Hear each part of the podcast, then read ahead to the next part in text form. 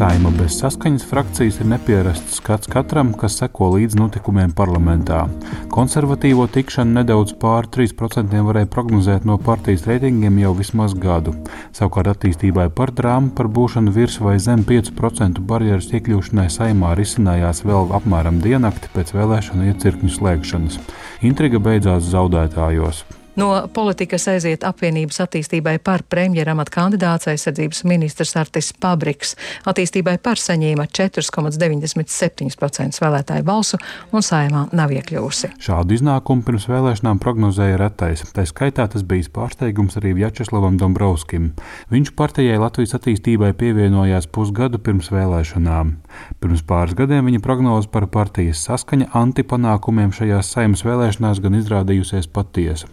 Toreiz viņš darbojās šajā partijā un atstāja tās valdi, jo nesadzirdēja ne vēlmi skaidrot korupcijas skandālus Rīgas domē Nila Ušakova laikā, ne plānu sarkano līniju pārvarēšanai krievalodīgo iedzīvotāju interesēs. Lūk viņa teiktais Latvijas radio 2020. gada 9. septembrī.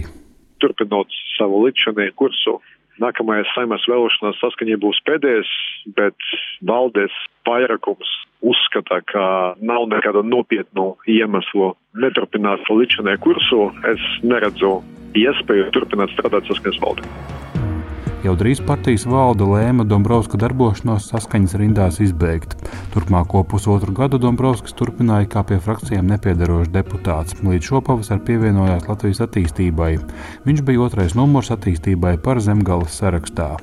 Zetlera reformu partija Jaunā vienotība, pēcāka saskaņa, arī īstermiņa projekts Partija Republika un nu Latvijas attīstībai. Tik daudzās partijās Latvijā pabijis retais. To Dombrovskis dabūjis dzirdēt arī priekšvēlēšana laikā apbraukājot zemgali. Es zinu, ka daudziem cilvēkiem tas nepatīk. Tā kā ideālo partiju nav, nu, tad man arī nav žēl par to, kā esmu mēģinājis darīt to, kas man bija svarīgi. Politika, es neesmu dēļ politiska procesa. Esmu dēļ tā, ko es varu darīt, kur esmu labs, kur man ir izglītība, kur man ir pieredze. Tā ir ekonomikas attīstība. Ja kādai partijai tas nebija svarīgi, nu, tad man nebija svarīga arī šī partija. Klausītājiem tas var nepatikt, bet, eh, ja man vajadzētu pieņemt visus tos pašus lēmumus, es pieņemtu visus tos pašus lēmumus, kurus es pieņemu. Arī attiecībā uz partiju maiņu.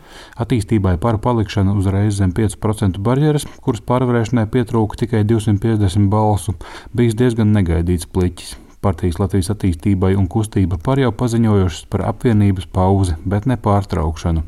Vjačeslavs Dombrovskis turpinās darbību partijā Latvijas attīstībai, nekāda aizvainojuma par vēlēšanu rezultātu viņam nesot. Ar šo esmu atbrīvots no šā morālā pienākuma un pašlaik esmu jauno Ja, ja mēs tam varam to nosaukt vai nu jaunu izaicinājumu meklējumos, ja jūs vēlaties skarbāk, nu, tad es meklēju darbu, Tad, kad es to atradīšu, nu, tad tā, tā būs ziņa. Pagaidām ziņas nav.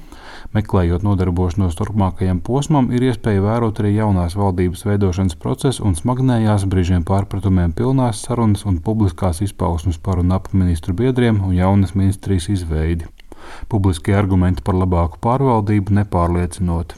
Ne jau ministru biedru skaits noteiks vai vispār kaut kā ietekmēs to, vai cilvēki spēs samaksāt rēķinus, vai mēs samazināsim to atpalicību no Igaunijas un Lietuvas. Ja?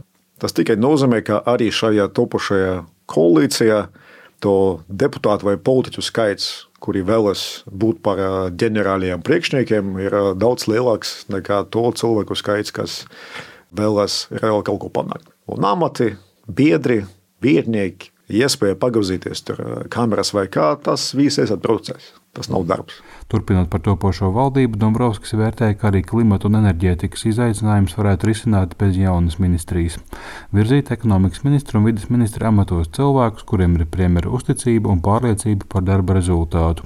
Turklāt jaunas ministrijas veidošana priekšvēlēšana debatēs un partiju programmās nebija temats. Un tagad pēc vēlēšanām pēkšņi izrādās, ka šāda ministrija ir nepieciešama. Jā. Nu, tad jautājums, priekš kam vispār ir vajadzīgas visas tās priekšvēlēšana programmas, solījumi un tā tālāk. Ja pēc vēlēšanām var pēkšņi pateikt, ah, mēs te vēlamies jaunu ministriju. Nu, tas, manuprāt, ir tāds nu, visdīvainākais lieta no tā visa. Nu, tā jau ir nu, pavisam degradācija, es teiktu. Diemžēl.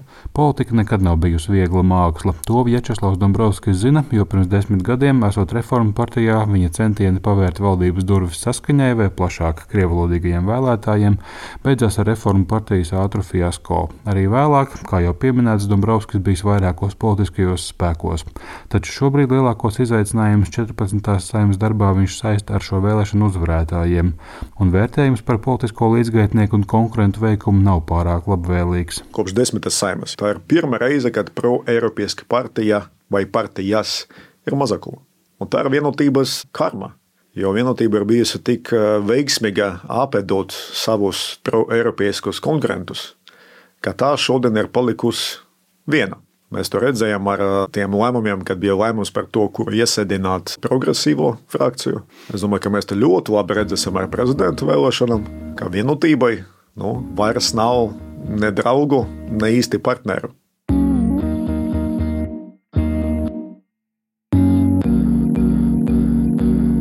Pēc šāda vērtējuma un atceroties attīstībai par pret premjeru Krišānu Kariņu tēmēto priekšvēlēšanu kampaņu, atliek vien retorisks jautājums, cik konstruktīva, kā bieži patīk teikt politiķiem, ievēlēšanas gadījumā būtu attīstībai par sadarbību ar jaunās vienotības kolēģiem šo vēlēšanu uzvarētājiem. Šī pārbaudījuma neveiksminiekiem šobrīd jātiek skaidrībā pašiem par saviem spēkiem, bet dalību nākamajās vēlēšanās neizslēdz. Jānis Kincis, Latvijas Radio.